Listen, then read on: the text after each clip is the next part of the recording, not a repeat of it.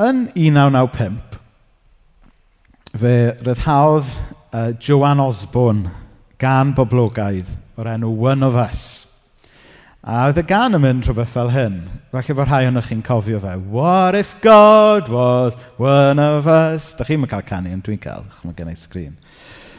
Just a slob like one of us, just a stranger on the bus, trying to make his way home.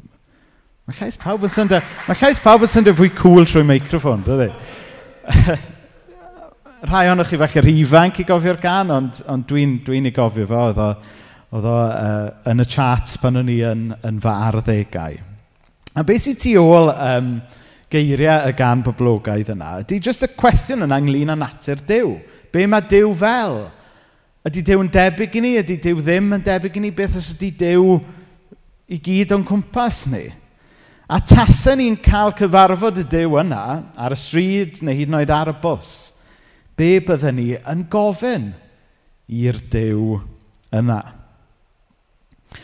Nawr chydig bach yn fwy difrifol. Um, chydig flynyddoedd yn ôl, nath rhywun ofyn y cwestiwn i Stephen Fry. Be fydda fe yn gofyn i ddew, tasa fe yn cyfarfod dew?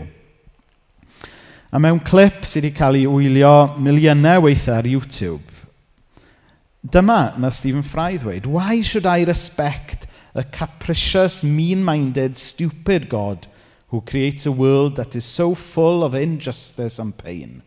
That's what I would say.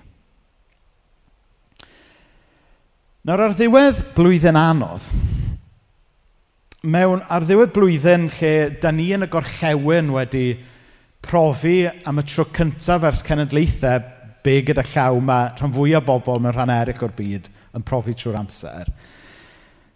Da ni falle yn ffeindio'n hunain yn rhwystredig.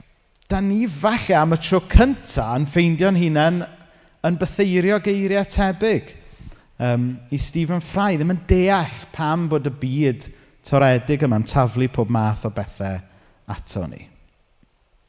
Ond, yn ymateb i, i Stephen Fry, yn ymateb tebyg i be nath Giles Fraser ddweud ar y pryd. Giles Fraser yn, um, yn ficer, dadleuol ychydig yn Llundain. A dyma nath ei ddweud, The God Stephen Fry doesn't believe in, I don't believe in that God either. a wir, yn dydy. Dyna lle dwi eisiau mynd â ni heddiw. Da ni'n byw mewn oes lle mae pobl wedi troi cefn ar rhyw fath o ddiw. Ond dwi'n meddwl yn arbennig yn hymor yn adolyg bod pobl dal yn agored i gyfarfod y diw ddath fel baban i Bethlehem. Dwi'n meddwl fod pobl yn gyffredinol falle wedi troi cefn ar grefydd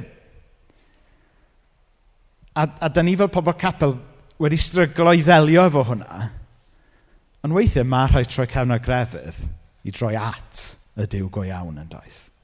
Ac wythnos yma nghanol prysurdeb ac ofn yn adolyg eleni, dwi'n gweddio y bydd mwy o bobl yn troi cefn ar grefydd ac yn troi at yr Iesu na dorri mewn i'n byd ni yn adolyg cyntaf yna.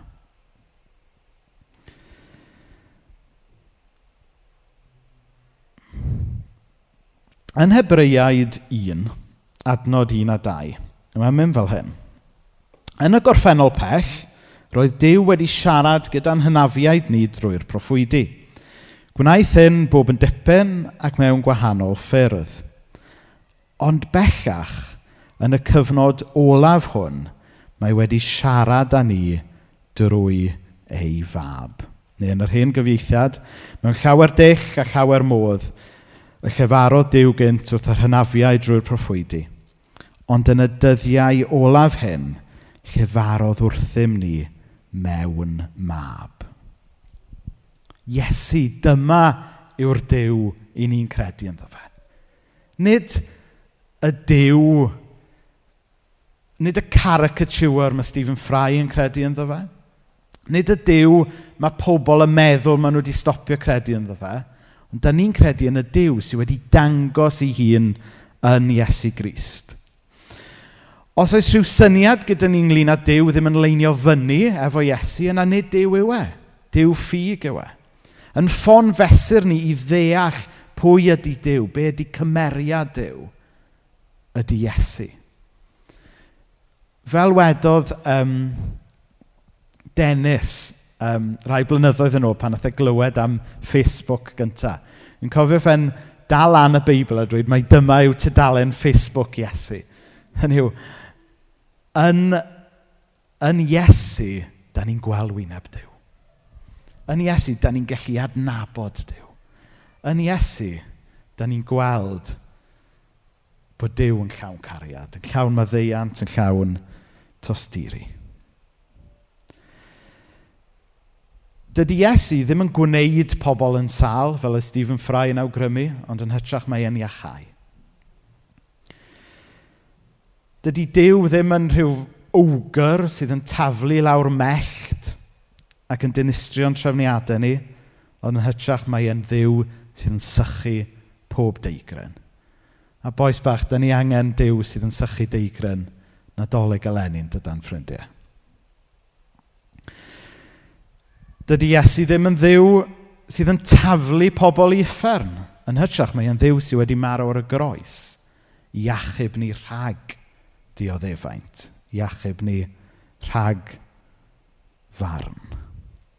A dydy Dyw ddim chwaith wedi cael personality change hanner ffordd trwy y Beibl. Dyna mae rhai pobl yn meddwl.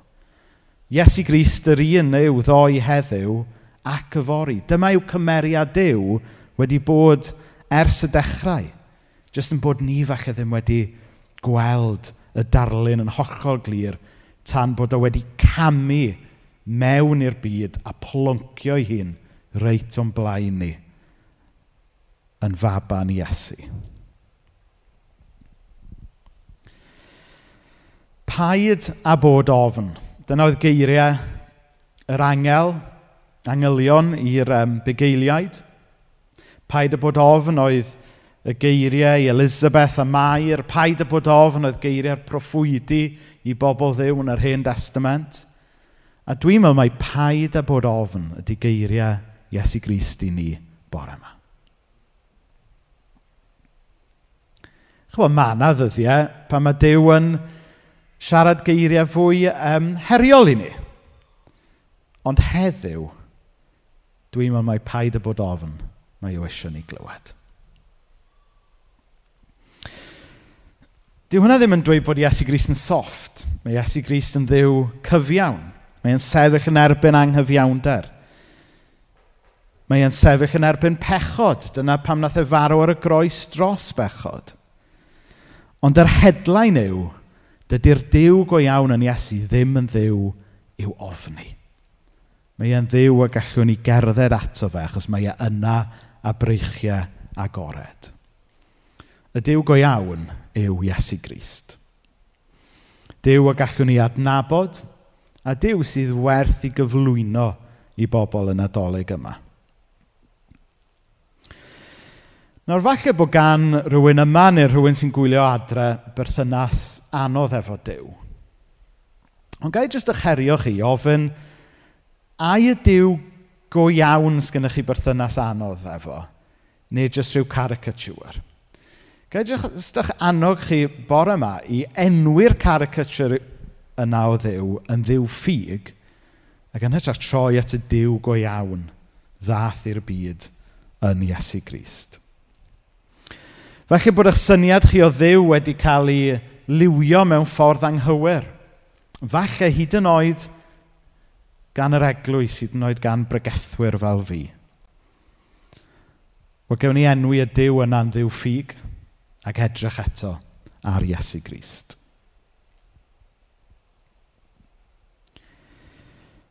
Yn y gorffennol pell, roedd Dyw wedi siarad gyda'n hynafiaid ni drwy'r proffwydi. Gwnaeth hyn bob yn dipyn ac mewn gwahanol ffyrdd. Ond bellach, yn y cyfnod olaf hwn – Mae wedi siarad â ni drwy ei fab. A dyna pam yng nghanol yn adolyg gwahanol eleni. Mae gyda ni dal rhywbeth i ddal afel ynddo fe. Mae gyda ni dal obaith. Oherwydd fod Dyw wedi dod ato ni fel mab. Emmanuel, Dyw efo ni.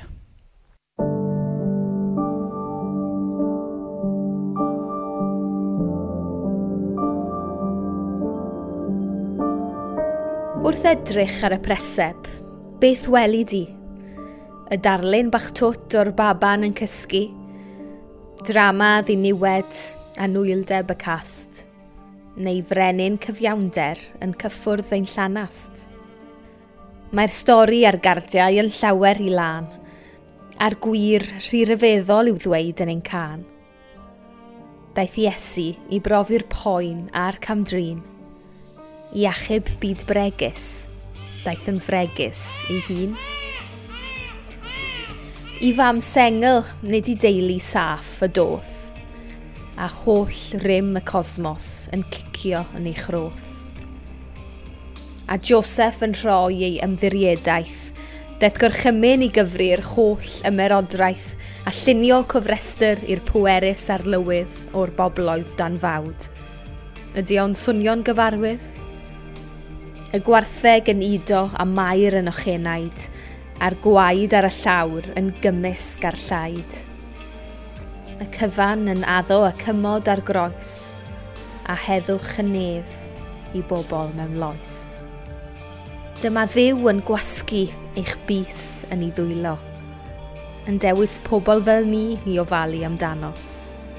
Y pŵer sy'n dal y byd at ei gilydd, yn dewis dod yn wan i ddeall ein cwylydd. Yr un a ddywedodd, bydded goleini, yn dewis gweld dim ond ychydig fodfeddi. Rhoi ei allu a'i nerth, y cyfan o'r neilltu a dewis gweld byd trwy lygaid babi.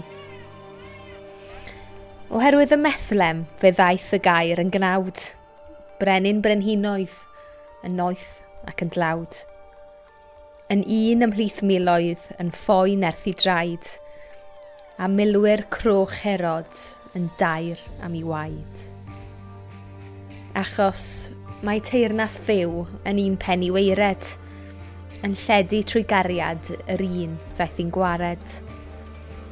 Yng ngolwg y byd mae'r cynllun yn ffôl, ond fel baban ddaeth dew i gymryd ei fyd yn ôl.